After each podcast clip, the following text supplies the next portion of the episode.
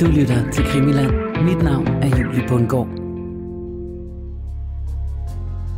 Han har nok også undgået nogle domme. Han har nok også undgået at blive dømt i æderkopsagen. Det er jo ikke, fordi det ikke er interessant for eftertiden. Det har også været interessant for politiet, fordi noget af det kunne ligesom give dem baggrund for, for andre undersøgelser, som mm. så indgår i en egentlig straffesag mod, mod nogle af de anklagede i æderkopsagen. Så det, der er tale om her, det er, at i denne her 829, H829, der står der noget om din morfar. Jeg tror helt sikkert, at de har kendt hinanden. Bør Bryl er tidligere højtstående nazist. Øh, han har været leder af det juridiske råd i, i det danske øh, nazistparti DNSAP.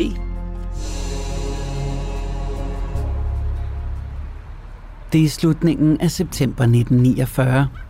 Den varme sommer har endnu ikke sluppet sit tag i hovedstaden. På Nørrebro står to mænd uden for en restaurant.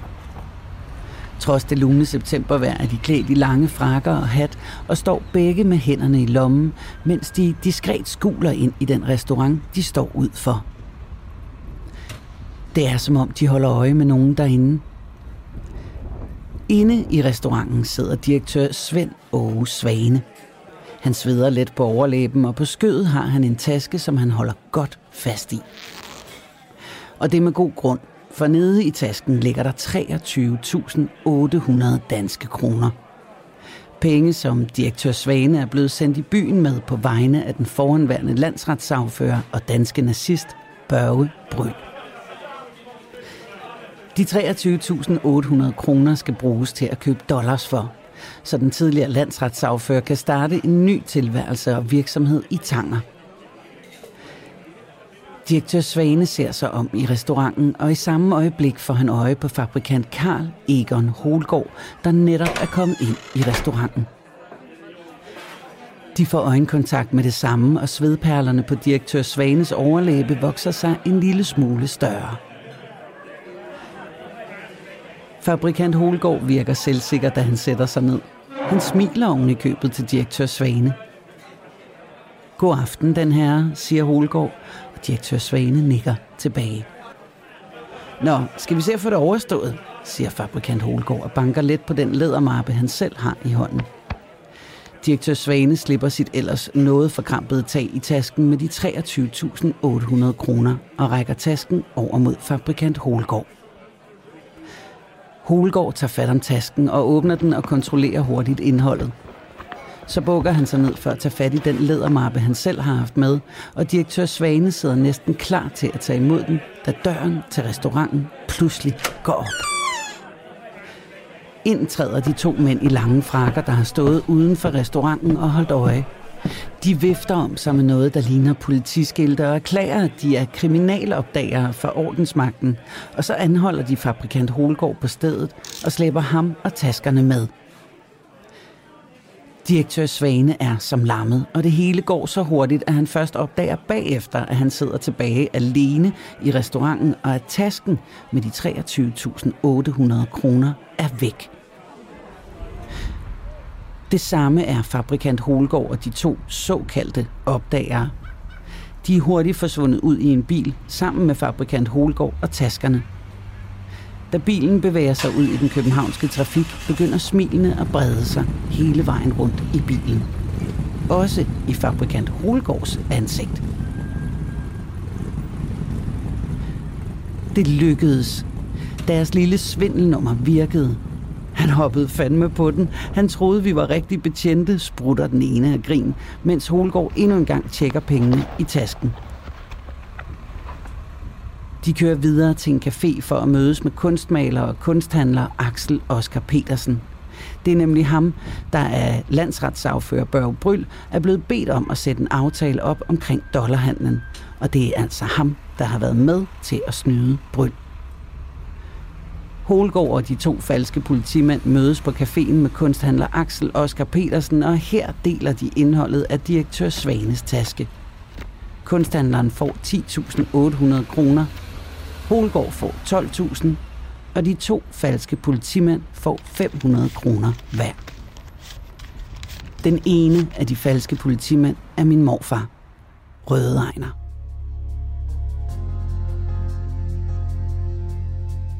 Velkommen til denne uges udgave af Krimiland, som også er tredje afsnit i vores nye historie om æderkoppen og min morfar Ejner, Røde Ejner. Mit navn er Julie Bundgaard, og jeg er din vært her på Krimiland, og så er jeg altså også barnebarn af Røde Ejner, som øh, her i begyndelsen af dagens afsnit optrådte som falsk politibetjent for 500 kroner. I denne her serie, der tager vi udgangspunkt i min morfars historie og min søgen efter at finde ud af, hvad han egentlig lavede af kriminalitet, både før, under og efter krigen. Og via min morfars historie, så dykker vi altså ind i efterkrigstidens største danske kriminelle netværk, som blev styret af æderkopperne Svend og Hasselstrøm og Johannes Linde. Vi aner sådan set ikke, hvor historien om min morfar ender, men du kan komme med hele vejen, når vi spor for spor finder dokumenter i Rigsarkivet og bliver klogere på min kriminelle morfar og ikke mindst den tid, han levede i. Og det der med at finde spor, det er der også nogle af jer, der er gået i gang med derude.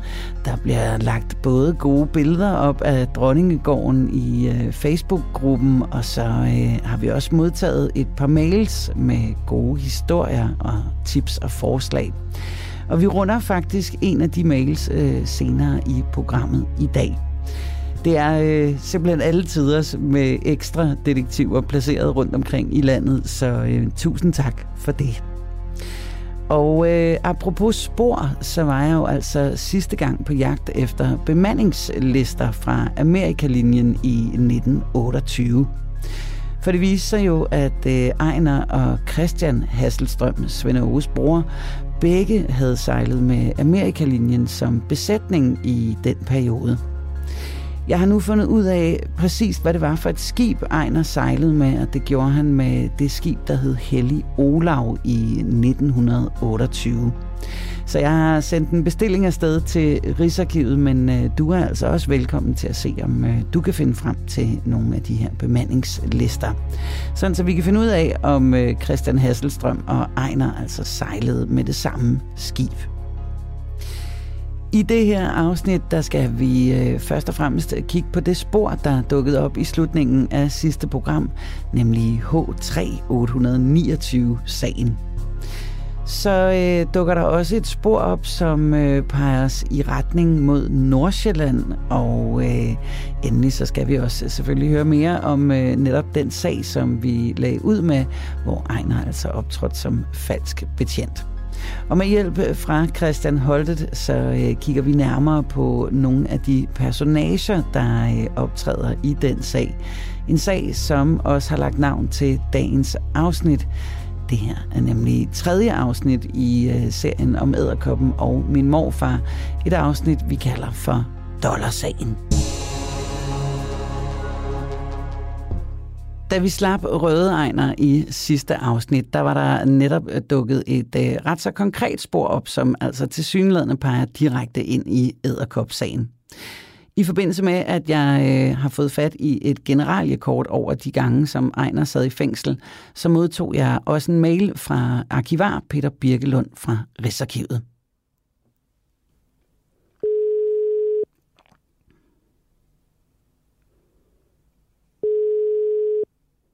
Hej mor. Hej skat. Mor, øh, jeg ringer lige, fordi at øh, jeg har fået en mail fra Peter Birkelund på Rigsarkivet. Øh, okay. Efter vi har fået det der generalieblad der, ikke, så skriver han, øh, at han har konstateret, at en af afsoningerne knytter sig til æderkopsagen.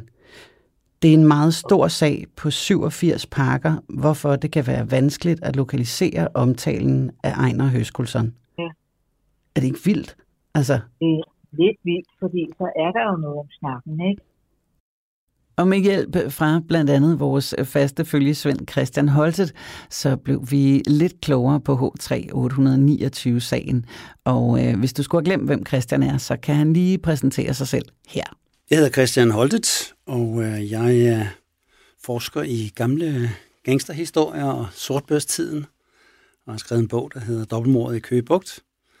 Og så bestyrer jeg en hjemmeside, der hedder Dobbelt Danmark, hvor jeg samler historier fra tiden omkring 2. verdenskrig og efter, og som mest fokuserer på kriminalitet og hele det store, farverige galleri af gangster og småkriminelle og øh, alle mulige mærkelige forskellige mennesker, som færdes i det miljø på den tid. Det er en super spændende tid, synes jeg. Christian er en af de få i Danmark, som har gennemgået det meste af de over 80 kasser, som Æderkop-sagen fylder. Og han kan fortælle, at H'et i sagsnummeret står for henlagt. Det er den sektion af Æderkop-sagen, som har fået bogstavet H. Jeg tror egentlig, det står for henlagte sager. Altså, eller henlagte oplysninger, eller, eller oplysninger, som ikke indgår i det materiale, der skal føre til en direkte domfældelse. Det, det er jo typisk, at politiet laver en masse undersøgelser, som ikke rigtig fører til noget. Man mistænker nogen, de er ikke rigtig relevante, og så, så, ah, så destruerer man ikke arkivmaterialet. Så lægger man det hen, giver det et nummer, og i Æderkop-sagen, der er der over 1000, tu, i hvert fald 1000 H-numre, som alle sammen er mapper, øh, hvor der ligger hver sin altså afgrænsede type oplysning. Øh, og og det, det er jo ikke, fordi det ikke er interessant for eftertiden. Det har også været interessant for politiet, fordi noget af det kunne ligesom give dem baggrund for, for andre undersøgelser, som mm. så indgår i en egentlig straffesag mod, mod nogle af de anklagede i Æderkop-sagen. Så det, der er tale om her, det er, at i H829, der står der noget om din morfar. Okay. Vi ved ikke, jeg har ikke haft mulighed for at se det. Men bare fordi denne her H3-829-sag er henlagt, så betyder det ikke, at den øh, nødvendigvis er sådan helt uden betydning. Det kan være en side, det kan også være 100 sider. Okay. Altså en af H-sagerne er for eksempel en kæmpe mor efterforskning mod, mod Johannes Linde, hvor det er tydeligt at se, at politiet siger, at vi har fat i den rigtige mand bag det her meget, meget brutale mor. Vi kan bare ikke få ham dømt. Vi har ikke vidnerne længere. Ah. Så bliver det en H-sag, så kommer man hen og ligge, og så sker der ikke noget. Så ligger den og samler støv indtil folks forskere, historikere, eller særligt interesserede som mig og andre, og måske også dig senere hen, finder dem frem og graver frem og finder ud af, hvad er det egentlig? Det er jo egentlig en utrolig sag, der ligger her. Ja. Men der er aldrig stået noget om det, der er aldrig kommet til pressens kendskab. Ingen har vidst noget om det før nu her, snart 75 år senere. Og det er så også det, der formentlig taler om med den her H-sag Ja. for din far, din morfar. Der. Han, er- han er blevet afhørt, Ja. ja. eller, eller der har været nogen, der har sagt noget om ham, eller man har foretaget nogle undersøgelser. Det vil der stå i den her sag her. Så det bliver meget spændende at se. Meget spændende. Men, så jeg skal ikke forstå det sådan, at bare fordi det er en H-sag, en henlagt sag, så, så er det ikke nødvendigvis en uinteressant Det kan sag. være meget interessant. Det kan være meget interessant. Og, og, og nogle af de ting, som øh, står i de H-sager, er jo så spor, som vi måske kan bruge øh, i dag til kombineret med andre oplysninger og danne os et mere præcist billede, eller måske finde frem til nogle ting. Men indtil vi sådan rent faktisk får H3829-sagen at se, så ved vi stadigvæk ikke, hvad den øh, mulige forbindelse mellem Ejner og Æderkop-sagen kunne være. Det er en øh, større omstændig affære at få fat i dokumenter, der ligger i Æderkop-sagen. Den er, øh, som sagt tidligere, umådelig stor, og øh, så skal man øh, ovenikøbet også godkendes og have tilladelse til at se sagen, så der kan altså godt gå et par uger, før vi ved, hvad der står i den sag. Så mens vi venter på det, så har jeg fundet en artikel frem fra det kongelige bibliotek, som øh, vi kan dykke ned i i dag. Dømt for dollarsvindel er overskriften på denne her artikel, og den fortæller altså om sagen, som vi startede dagens afsnit med, hvor Ejner optræder som falsk betjent. Endnu en gang nærstuderer jeg Ejners generalieblad, som jeg har fået tilsendt fra Rigsarkivet, og øh, her finder jeg sagen, der svarer til artiklen om dollarsagen. På generaliekortet der kan jeg læse, at Ejner i december 1949, tre dage før jul, bliver anholdt i sagen om Karl Egon Bak Holgård for meddelagtighed til bedrageri. Men øh, Ejner bliver løsladt et par dage senere. Det gør han øh, faktisk på lille juleaften. Så noget tyder på, at øh, politiet altså ikke har kunne få afgørende oplysninger ud af ham. Det får de så til gengæld af øh, Karl Egon Bak Holgaard selv, som øh, Ejner og hans marker jo altså fingerede en anholdelse af øh, i denne her avisartikel fra Berlingske Tidene 3. maj 1950, hvor sagen den kommer fra retten.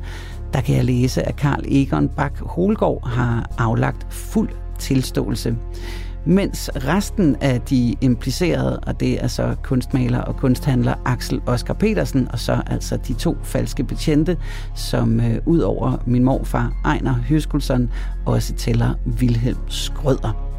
De nægter sig alle tre skyldige. Som altid er Christian Holtet klar til at uddybe historien og gøre os klogere på de implicerede i dollarsagen. Og vi starter med manden, der er ude efter dollars, nemlig Børge Bryl. Børge Bryl er, er tidligere højtstående nazist. Øh, han har været leder af det juridiske råd i, i det danske øh, nazistparti DNSAP. Øh, sammen med sine brødre har han haft meget stor indflydelse på, på lederen Fritz Clausen, og her efter krigen, der får, øh, der får de tre brødre meget hårde fængselsstraffe. Øh, Børge Bryl, han bliver idømt, jeg tror, otte års fængsel, og kommer altså ind og sidde der fra 1945 og frem efter. Øhm, og, og der er en anden af brødrene, der får, jeg tror, 14 års fængsel, eller noget af den stil. Øh, for dem, der er interesseret i det, så har Børge Bryls søn, øh, historikeren, professor Claus Bryl, skrevet en utrolig spændende bog om, om hele sagen omkring hans far, øh, og, og hvordan det oplevedes at være barn af en meget kendt, landskendt nazist. Og der kan man så også læse om, at, at øh, Børge Bryl bliver benådet i øh, 1949 på grundlovsdag, 5. juni, der laver man sådan en løsladelse. Der, der synes man, at en del af de forbrydere, nazister og så videre, som ikke deciderede morder og, og, og altså torturspecialister, altså men som har begået politiske forbrydelser, de kan godt blive løsladt på prøve, og Børge Bryl, han så bliver, bliver så løsladt efter at have siddet omkring fem år eller sådan noget. Ikke? Og han kommer så ud, men han er blevet fradømt øh, retten til at praktisere som sagfører. Og hvad skal han så lave? Altså, han, det er en ganske velstående familie, og, og, og Børge Bryl har faktisk et forsikringsselskab og, og forskellige andre typer forretninger og ejendom og sådan noget. Så det, det, hvis det ikke egentlig fordi, at, at man er sådan decideret øh, i, i pengene, men, men han vil gerne have noget at rive i, og det er svært for ham, og alle steder, der er han jo kendt. Altså, ja. han, han, er ikke, han er ikke bare sådan en, en lille fisk, altså, han er en mand, der har været i aviserne og været omtalt osv. Modstandsbevægelsen har lavet indbrud i hans kontor, for eksempel under krigen, og stjålet hans papirer, så man skrevet en bog om ham sågar. Så han, så han er altså, han er altså bestemt uh, notorisk, så, så han begynder at overveje, hvad skal han gøre. Han finder sig frem til, at han sammen med sin bror vil starte forretninger i Tanger i Marokko. Der er altså gode forretninger at lave dernede, og der bliver handlet med ting og sager. Det er et spændende miljø og så videre. Klimaet er behageligt, og de hører en masse historier om, om hvordan det er at være dernede i Tanger. Der er en masse andre i øvrigt tidligere nazister, som tidligere frikorpsfolk og så videre, som har slået sig ned i Tanger, og de siger dejlige, spændende beretninger om, at det er her, man skal, der kan man leve det søde liv, og man kan tjene penge og sådan noget. Så han beslutter sig for, at han vil, han vil tage øh, til, til Tanger, og han vil have familien med, og han køber en fiskekutter, som bliver sejlet ned, hvor de, som de skal bruge til at importere varer og sådan nogle forskellige ting og sager. Jeg tror også, det er noget med, at de skal sejle nogle cigaretter frem og tilbage, som hvis det ikke er helt... Øh... Nå, det ved jeg ikke mere om. Men... Ikke kun at lave tobak? jeg ved ikke helt. Jeg ved ikke helt. Der er i hvert fald... Claus Bryl fortæller nogle historier. Han er, han er lidt ligesom din mor, sådan en observatør, som ikke helt forstår, hvad der foregår, men som aner, jo, der er et eller andet, som, der er noget her, der som er. helt skal være, som det er.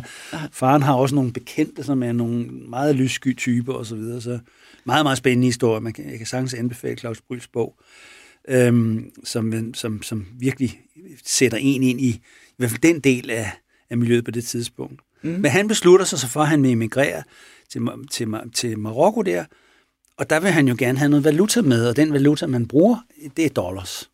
Og det kan man ikke, du kan ikke gå hen i banken og sige, jeg vil gerne have 10.000 dollars. Hvorfor kan man ikke det? Det kan man, fordi der er valutarestriktioner. Så der er stærke begrænsninger. Man kan kun få val- øh, tilladelse til at veksle valuta, hvis man har et legitimt formål, og så skal man søge om.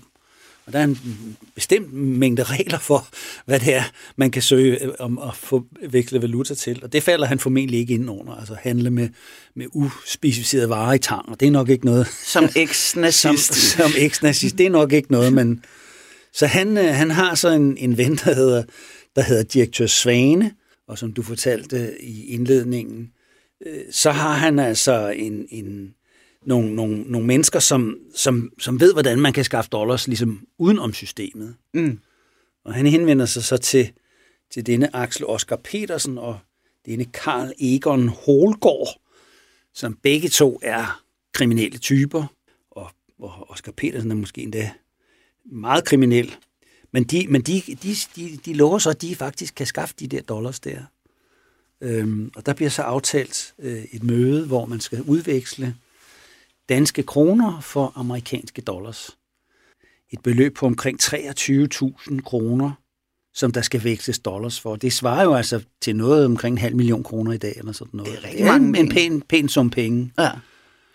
Og, og der bliver så aftalt et møde der, og, og, og så sker der det, som du fortalte, at øh, så sidder så, øh, hvad hedder det, øh, de her mennesker her skal, skal, skal bytte, Holgaard skal, skal have dollarsene over bordet, og så skal, så skal hvad hedder de, direktør Sane så række kronerne over bordet, og så pludselig så træder så, som du fortalte om, de her to falske politifolk ind, og så stopper man sagen og så videre. Og men der har de altså timet det sådan, forstår jeg, så det er pengene fra direktør Svane og Børge Bryl, de er altså nået at komme over i Holgårds hænder, men dollarserne er ikke kommet den anden vej. Præcis. Så de arresterer så Holgaard trækker af med ham, og direktør Svane, han sidder så, øh, hvad skete der lige her? Det var, der, øp. Han er i hvert fald blevet lempet for 23.000 kroner, eller hvor meget det nu er, og må gå slukket tilbage til Børge Bryl og sige, ja, det, det, der Jeg var blev ikke. Det er besnydt, ja. Jeg ved ikke lige. Høskuldsson der, din morfar og hans kumpan Skrøder, som udgiver sig som, som politifolk, og, og, og Oscar Petersen og Holgaard der, de snakker så, jamen altså, han er jo nazist, og han har vist styret også mange penge. De, de snakker vist noget om, at han har 700.000 kroner, så det, han lider nok ikke nogen nød og så videre, men, Han opdager men nærmest han, ikke, han, han er opdager måske, og måske tænker de, hvad der er mere interessant, han anmelder det ikke til politiet, fordi et, altså, han er nazist, og hvem vil tro på ham og sådan noget. Men det gør han jo så formentlig, Mm. Øh, Børge Bryl det, eller i hvert fald bliver han, bliver, kommer historien frem, og, og Svane bliver jo indkaldt på et tidspunkt i den efterfølgende retssag, hvor han forklarer om sagen. Der er altså Bryl mm. taget afsted til Tanger der. Men det bliver så opdaget på den måde, forstår jeg, at de så giver Høskyldsson og Skrøder, de får en 500 kroner seddel hver. Ja. Det er, det er jo sådan en pæn månedsløn altså, for en arbejder på det tidspunkt. Ikke? Så det har været et, et godt tilskud. Det har jo nok ikke været det eneste, de har tjent de to gutter der i den måned. Der. Nej, Men, der har nok...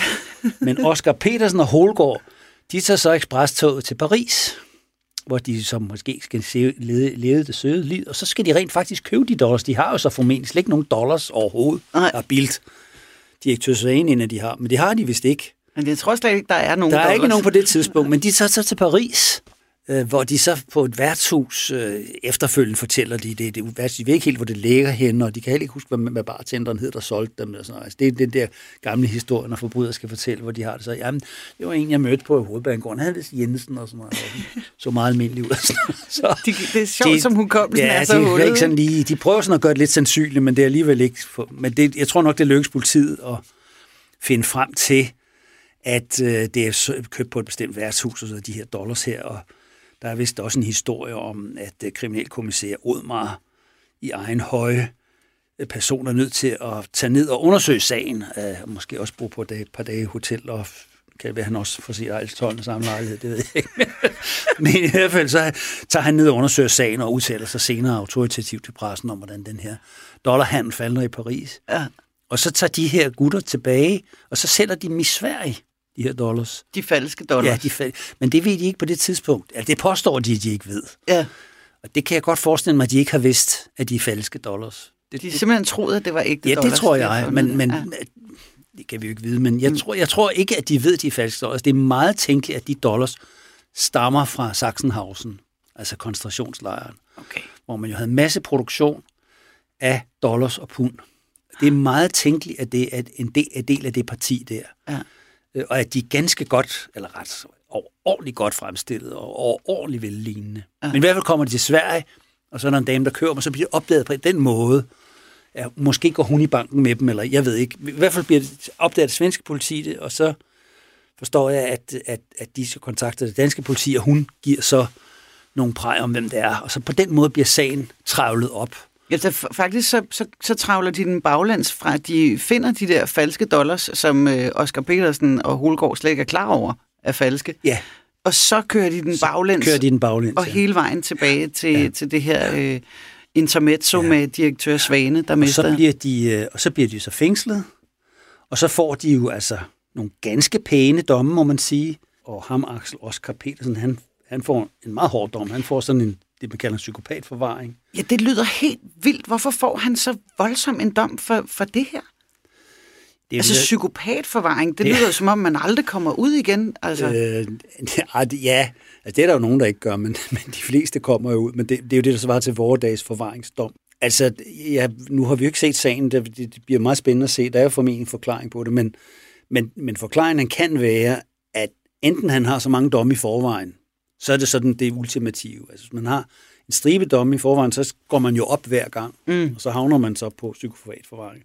Eller også, at man mener, at han er så uligevægtig og så til fare for samfundet, at man vil spærre ham inde, indtil man mener, man tør slippe ham løs igen. Ikke? Ja. Men det må vi jo prøve at se altså, til den tid. De to falske betjente, som hver kunne tage en 500 kroner med hjem for en halv dags arbejde, min morfar Ejner og så den anden falske betjent, Wilhelm Skrøder, de bliver altså kort før jul 1949 også anholdt i dollarsagen. Men i første omgang så bliver de løsladt efter ganske få dage. Men deres involvering i sagen slutter ikke der. For da retssagen mod Holgaard og Axel Oskar Petersen finder sted i maj måned 1950, så bliver Ejner og Vilhelm nemlig indkaldt som vidner i sagen. Men deres tur i vidneskranken ender med en ny anholdelse. For Ejner og Vilhelm har angiveligt, mens de har været løsladt, informeret anklageren om et vigtigt vidne. En tjener ved navn Valentin, som arbejder på en café på Vesterbro, og som øh, skulle kunne give nogle interessante oplysninger om Axel Oskar Petersens økonomi. Men deres intention om at hjælpe anklageren, som i virkeligheden nok var et forsøg på at hjælpe sig selv, ender med at spænde ben for Ejner og Vilhelm selv. For da politiet dukker op for at tale med tjener Valentin, så står Ejner og Vilhelm allerede og taler med selv samme tjener. Og det tolker anklagemyndigheden som et forsøg på at påvirke et vidne. Forsøg på at slippe for en hård straf, men så er det jo en boomerang, der rammer min nakken. Ja. Fordi så får de ekstra, da det bliver opdaget. Ja. Formentlig har dommeren så skærpet det lidt, ikke? Fordi vidnepåvirkning, det, det kan man ikke lide. Nej. Det kan man ikke lide. Jeg, jeg læste et sted i øh, en af artiklerne om det, at, øh, at øh, Ejner eller Wilhelm, der, der stod ikke, hvem af dem det var, der havde sagt det, men en af dem havde ligesom udtalt sig om, at, at øh, jamen, de mente ikke, at det kunne skade nogen, og så svarer anklageren tilbage, nej, men til gengæld kunne det jo gavne jer. Nej, det havde de sørme ikke tænkt på. Men der er en lille ekstra ting i den her artikel, øh, Christian, som jeg også synes er lidt mystisk. Øh, og det er det her med, at øh, lidt øh, længere nede i artiklen, nærmest sådan helt umotiveret, så står der lige pludselig, at ham her kunsthandleren Axel Oskar Petersen, han kender den suspenderede overbetjent Henry Jacobsen. Hvem var Henry Jacobsen, og hvorfor bliver han pludselig bragt ind i den artikel? Ja, Henry Jacobsen, han er ansat i paspolitiet. Og paspolitiet, det er dem, der udsteder pas. Øh, og, og hvis man er dømt, for eksempel for en forbrydelse, så kan det være meget, meget, meget vanskeligt, for ikke at sige umuligt, at få et pas. Øh, og hvis man har et ønske om at komme ud af landet, så, så kan det være meget problematisk, hvis ikke man på en eller anden måde øh, lykkes at få hul igennem til paspolitiet. Og der er flere betjente i paspolitiet, som er åbne for, hvad skal man sige, bestikkelse. Mm. Og Henry Jacobsen, han er en af dem. Der er et par stykker til. Øhm, Og Henrik Jacobsen, han, han er glad for de våde varer. Han går under i, i, i betjent kredse. Det går hun under navnet Øl Jakob. Formentlig på, på grund af hans fritidsvaner. Øhm, og han, han, han, er til, han, er, han, er, han er manden, en af mændene, som man går til, hvis man vil have et pas udstedt, men ikke kan få det på lovlig vis. Og han er fast, fast leverandør til Linde, møbelhandler Linde.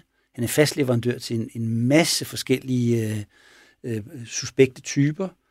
Og øh, Axel Oscar Petersen har vist en eller anden ven, som også skal have et pas, som skal ud af landet. Måske er det en, de ikke vil have, skal snakke med politiet. Jeg er ikke helt klar over sammenhængen. Men derfor får de i hvert fald Jakobsen til at, at sørge for et falsk pas, og kommer ud af, så han kommer ud af landet på den måde. Og måske skal de, også, de to gutter også selv bruge falske pas.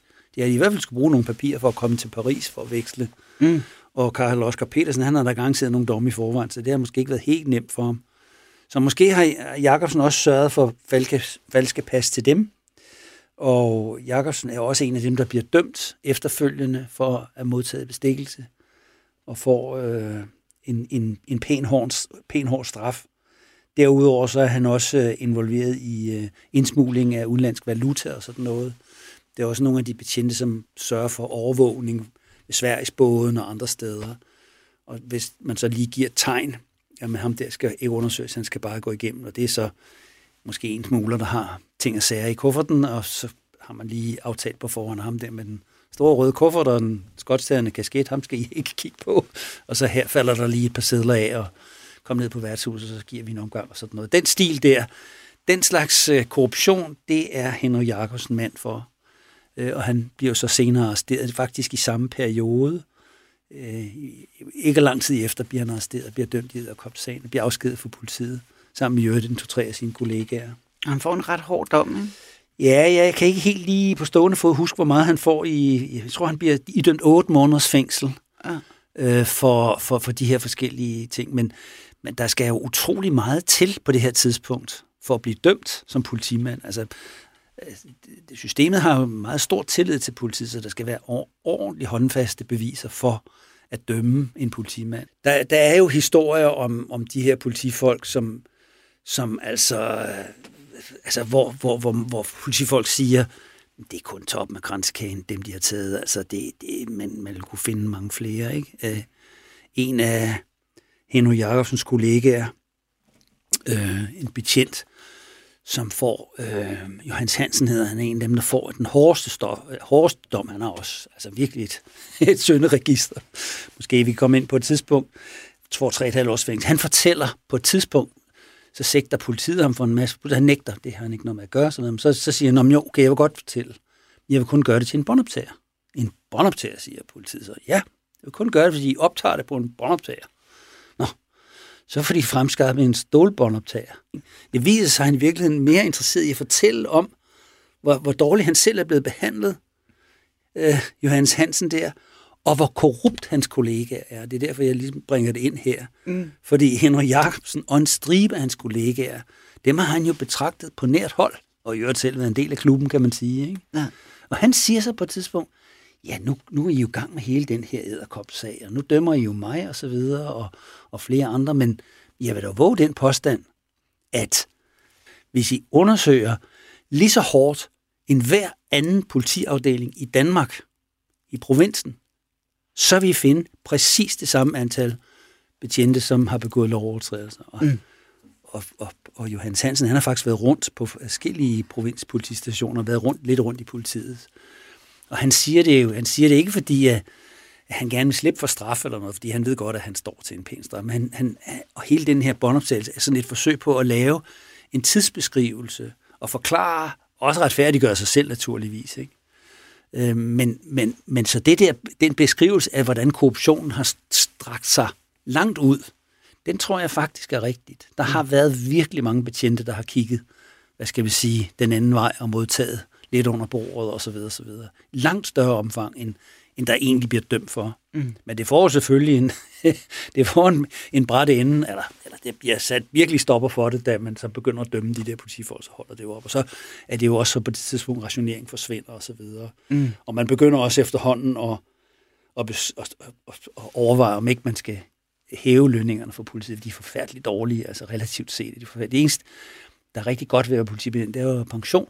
Altså, man er tjenestemand og så videre. Men ellers er lønnen ikke særlig god. Faktisk ret dårlig i virkeligheden. Ikke? Det er alt for nemt at falde i. Ja, det er, det er, der er mange fristelser, ikke? Ja. Christian, jeg annoncerede jo allerede i sidste uge, at vi skulle kigge på dollarsagen i det her afsnit af Krimiland. Og derfor så har jeg øh, også fået en mail fra en lytter. Det er Svære Møller Johannesen, som øh, straks gik øh, på sådan lidt detektivarbejde og har været inde i modstandsdatabasen. Og øh, der har han altså fundet ud af, at Karl Egon Holgaard og Ejners makker Wilhelm Skrøder, de var begge to registreret som medlemmer af modstandsbevægelsen. Ja, Jeg tænker lidt, har det måske spillet ind i forhold til, at øh, Børge Bryl jo altså var nazist? Det kan man meget vel forestille sig. Det har i hvert fald spillet ind i deres bevidsthed og været med til at øh, få dem til altså for sig selv retfærdiggøre, at de, altså de stiger svindler en person ud af en større formue, og en person, som er i en vanskelig situation.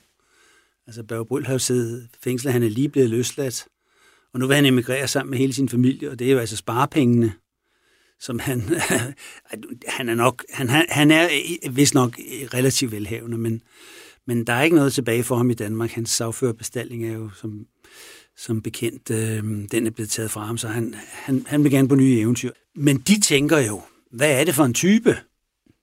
Og nu får vi så at vide, at de har været aktive i modstandsbevægelsen. Jeg forstår, at den ene har været i den danske brigade, og den anden mm. har været i en, en, en ventegruppe, som har ligget klar og måske været aktiv i dagen omkring befrielsen.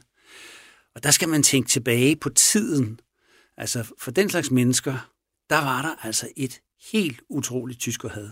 Altså, jeg selv opdraget i en familie, hvor der var modstandsfolk, og altså, det var, selvom jeg er født efter krigen, så, så kan man altså, man kan mærke, altså, hvor enormt hadet var til tyskerne. Ikke? Og især i krigens sidste del, især det er 45, hvor altså, det går rigtig hårdt til sig, og tyskerne begynder at skyde mange frihedskæmper henret og skyder i gaderne, og der er oprør på, på Vesterbro og forskellige, forskellige andre steder, Odense og Aalborg, der strækker og sådan noget. Altså, der, der opstår der altså i, i, i størstedelen af befolkningen voldsomt had. Og når man så øh, er kommet ud på den anden side af besættelsen, så man måske ikke fået det fede arbejde, man havde lige tænkt sig, og der byder sig sådan en mulighed, så kan man sagtens, øh, hvad skal man sige, se, at deres bevidsthed har været præget af, af den tid, de har været igennem. Og det har ikke været svært for dem at sige, vi skal da, vi skal da nappe bryl for de penge der. Den store nazist der, han har hjulpet tyskerne og været med til at undertrykke os og tvunget, den ene har været så i flygtighed, kan man sige, ikke? Han har måske været tvunget til at flygte til Sverige. Der var der mange af dem, der kom i brigaden, som... Det var ikke oprindeligt, de ville være med i brigaden, men de var tvunget til at flygte, så han har måske lavet noget illegalt arbejde, tidligere været i fare, og den frygt og så videre har siddet i ham. Ikke? Mm. Så det har ikke været vanskeligt for dem at gå med i det. Og hvis de så ydermere har, har været den overbevisning om, at, at Bryl der, han var velhavende, jamen så, så er det så sagen klar, ikke? Altså sådan en, en rig nazist, jamen lad os da bare lænse ham for så mange penge, vi kan slippe afsted med. Og det er jo pænt stort beløb, som de napper, ikke? Ja, der er ret mange penge der. I det hele taget, så virker det jo lidt som om, når de skal retfærdiggøre over for sig selv de kriminelle handlinger, de laver, at øh, der er ligesom sådan en generel konsensus om, når hvis det er nazisterne, det går ud over, så er det helt fint.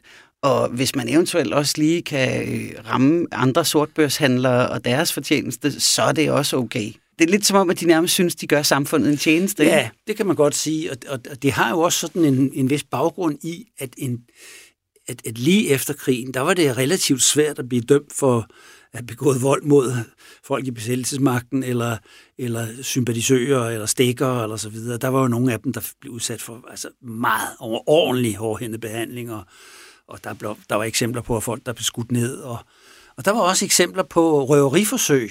Altså, der er jo adskillige, øh, og altså ikke bare forsøg, men altså det gennemførte røverier, hvor, hvor man altså simpelthen øh, retfærdiggør det med, at det er folk, som er nazister eller arbejder for tyskerne. Der er et af, et af dem, som øh, har været omtalt i forskellige sammenhænge, på Peter Bangs vej samme ejendom, hvor det senere dobbeltmor, Der er der en gruppe frihedskæmpere, som laver et indbrud hos, eller ikke, altså et hold up kalder de det, hos en grønhandler, og han har engang været medlem af nazistpartiet, men det er det ikke længere.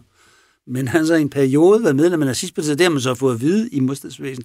Jamen, det er fint. De kører ud, de mylder ind ved højlys dag, og, og Holder Hop der, øh, grønhandleren der, siger hit med pengene og sådan noget. Han er åbenbart lidt langsom.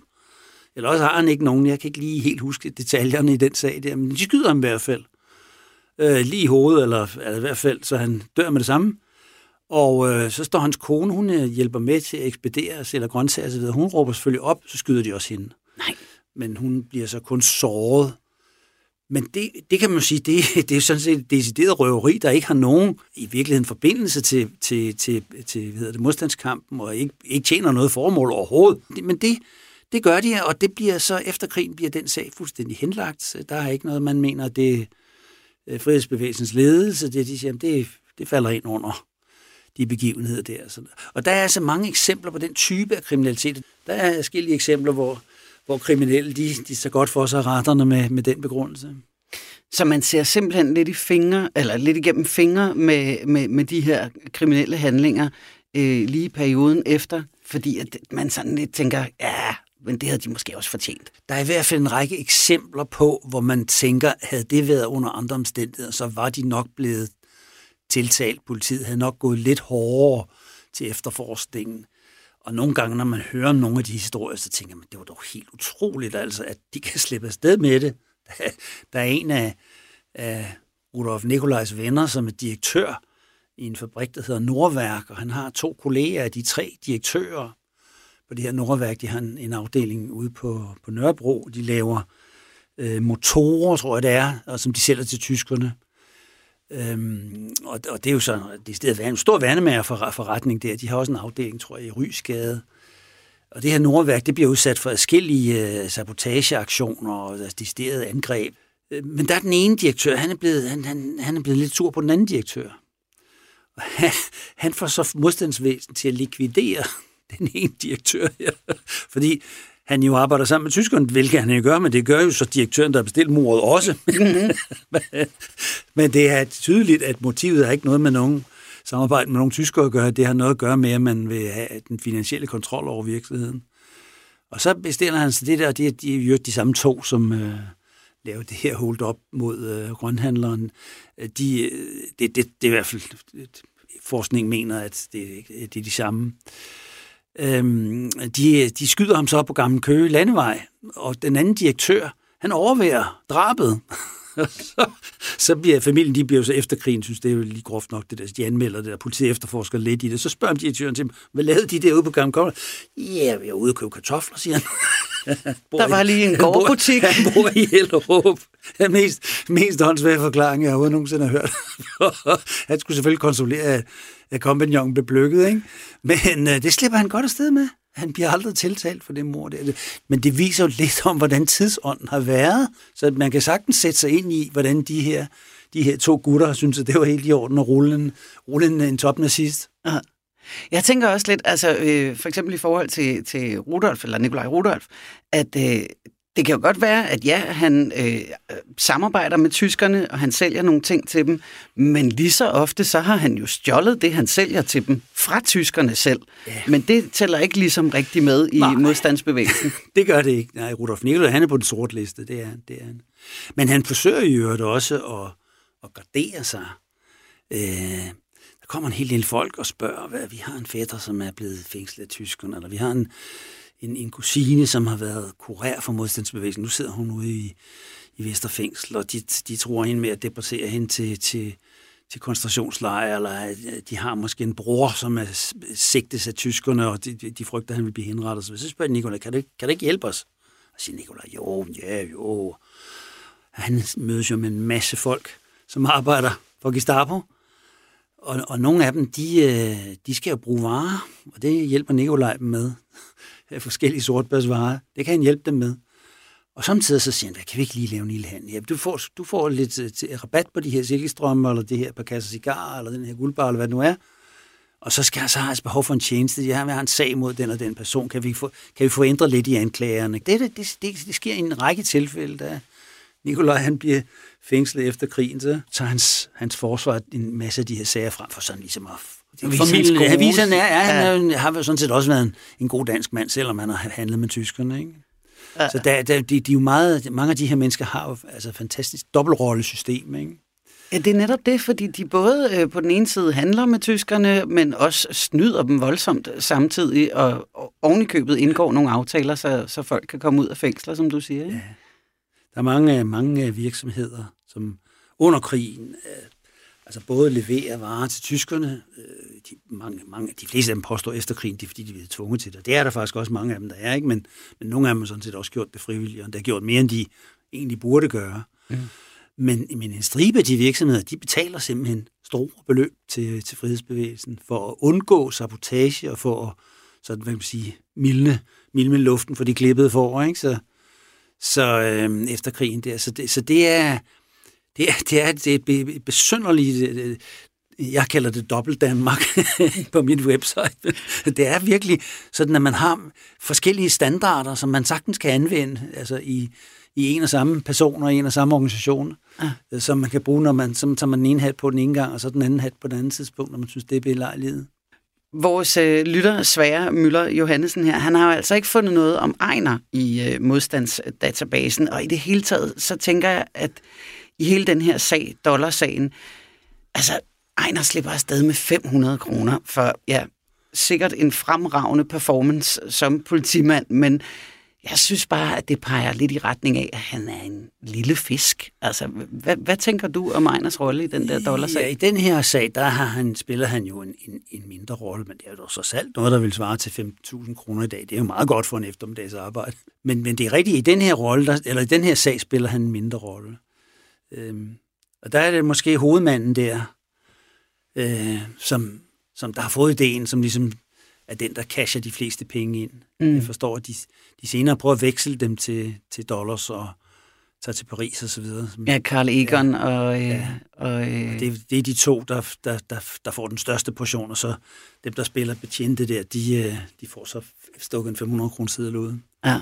Men, ja. det, det, det er jo svaret til en, måned, sådan en god månedsløn for en, for en arbejder, så det er jo ikke sådan, det er ikke sådan helt at kæmpe af. Jeg kigger igen ned over Ejners generaliekort det er sådan set ret begrænset, hvad der står om øh, de enkelte afsoninger. Jeg vil gerne vide noget mere om selve dommene og sagerne og afhøringerne, der ligesom går forud for de fængselsophold, som jeg kan se, han har haft. Så jeg er altså gået i gang med at ansøge Rigsarkivet om tilladelse til at kigge i alt fra fangesager til dombøger. Og det øh, lyder måske øh, lidt nemmere, end det umiddelbart er, for man er ligesom nødt til at gå baglæns i oplysningerne. Simpelthen starte med datorerne for retssagerne via aviserne, for øh, i 40'erne og 50'erne, der trykte aviserne nemlig retslister, og her kan jeg finde flere retslister med Ejners navn på. Nogle af dem oven i købet i årstal, som øh, slet ikke figurerer på generaliekortet. Via de her datoer, så kan jeg så søge om at kigge i dombøgerne, og via dem måske finde frem til politiets afhøringer. Men mens jeg søger i aviserne efter retslister, så falder jeg over en annonce med Ejners navn på. Eller det vil sige, at annoncen er underskrevet Høskulsson det er min morfar selv, der har indrykket den i øh, Berlingske Tidene i marts måned 1945, og der står bare sådan her. Sommerbolig møbleret ønskes til leje i Tisvilde Leje fra april til september. Høskulsson, Dronningens Tværgade 33, første sal. Og jeg stiger ret længe på de her to linjer, som udgør denne her annonce. For øh, alt andet, jeg har fundet i det kongelige biblioteksarkiv, det har handlet om Ejner. Men det her er skrevet af ham selv. Eller det er i hvert fald ham, der har indrykket annoncen. Og selvom det bare er to linjer og en annonce, som stort set kunne have stået i den blå avis, så føles det pludselig som at være meget tæt på Ejner. Men hvorfor i al verden søger Ejner en sommerbolig i marts måned 1945, blot et par måneder før krigen slutter? Hvor havde han pengene fra til en sommerbolig? Og hvorfor skulle han pludselig ud af København? Jeg prøver at spørge min mor, om hun ved noget om Ejner og min mormor måske har været oppe nordpå i sommeren 45. Da min øh, storsøster bliver født i 44, der bor de i Dronningegården, altså det vil sige Dronningstværgade nummer 33. Det kan jeg se i kirkebogen. Og så ved jeg, og det må jo være noget, min mor har fortalt, at jeg har også set et billede af, af, af de flytter til Gilleleje, mens Allé, der leger de et hus. Og, og der har jeg så set et billede af min mor, tror jeg, og, og af min storsøster. Fra det hus der? Ja.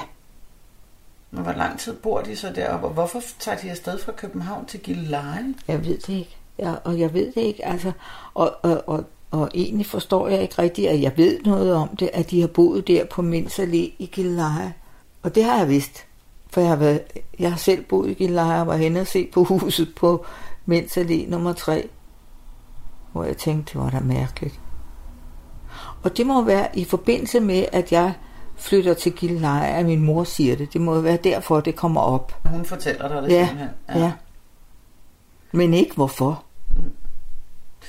Nej, fordi noget tyder så på, at de så bliver boende deroppe, altså i så lang tid som overhovedet muligt.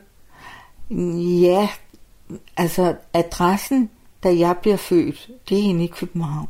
Det er inde i København. Ja, det er Min mor fortæller videre, at hun har hørt historier fra min mormor om, hvordan de endte med at blive i huset så længe, at de brændte havemøblerne af. Ja, nej, de, ja, jeg tror, de brænder alle havemøblerne af, fordi de fryser. Ejner og hans lille familie bliver altså i Gilleleje så lang tid som muligt. Men hvorfor? Var han bange for at tage tilbage til byen? Annoncen er indrykket i marts 1945. Min mormor og morfar har på det tidspunkt boet i Dronningegården i et års tid. De har fået deres første datter, som er lige under et år gammel, og øh, så vidt jeg kan regne mig frem til, så er det også lige her omkring i marts 1945, at øh, min mormor bliver gravid med deres barn nummer to, altså min mor. Måske så havde Ejner fået nok af det kriminelle liv. Måske ville han rykke sin familie langt væk fra hovedstaden og starte på en frisk. Eller måske så havde han bare, som så mange andre lyssky typer i København på det her tidspunkt, ikke sådan sønderlig lyst til at blive i byen. For hvis krigen var ved at slutte, så har der helt sikkert også været et regnskab, der bagefter skulle gøres op for dem, som havde været involveret med værnemagten eller tjent penge på krigen og på sortbørshandel. Det her Gilleleje-spor er i hvert fald et spor, som vi skal have kigget nærmere på, og det gør vi næste gang, der er Krimiland. Og der er jo, øh, altså, øh, hvad skal man sige, øh, en holdning hos nogen af sortbørsfolkene, øh, om at det, det bliver, vi, bliver vi nok lige nødt til at overveje, hvad vi skal gøre her. Og nogen, som for eksempel Svend Hasselstrøm, prøver at forebygge. Andre prøver at forberede flugtruter, og det er måske det, Ejner Høskulsson og hans kone har gjort. Vi tager også fat i en af Ejners andre afsoninger, som knytter sig til en sag, vi kalder for malerne. Kumpaner her, de, de laver så forskellige julenormer, de har dækningsløse checks. Her til sidst, øh, så vil jeg bare endnu en gang opfordre dig til, at du øh, melder dig ind i Krimilands øh, Facebook-gruppe. Her har jeg lagt nogle artikler op om dollarsagen, sådan, så du selv kan gå ind og studere dem. Og øh, der ligger også annoncen, som øh, Ejner indrykket i Berlingske Tidene. Og så er der også øh, de informationer, som vores lytter Svære havde fundet om øh, Holgård og Wilhelm Skrøder i modstandsdatabasen. Du er også velkommen til at skrive en mail til os, hvis øh, du har tips eller idéer til spor, vi kan lede efter, eller hvis der er særlige gangster eller sager fra den tid, som du synes, at vi skal dykke ned i. Adressen er krimilandsnabelag radio4.dk. Mit navn er Julie Bundgaard, og jeg har tilrettelagt serien om min morfar og er vært her på Krimiland. Frederik Holst har hjulpet til med tilrettelæggelsen. Det er nemlig ham, jeg sidder i redaktionen med. Og så er programmet produceret af Wingman Media for Radio 4. Jeg håber, at vi lyttes ved i næste omgang af Krimiland.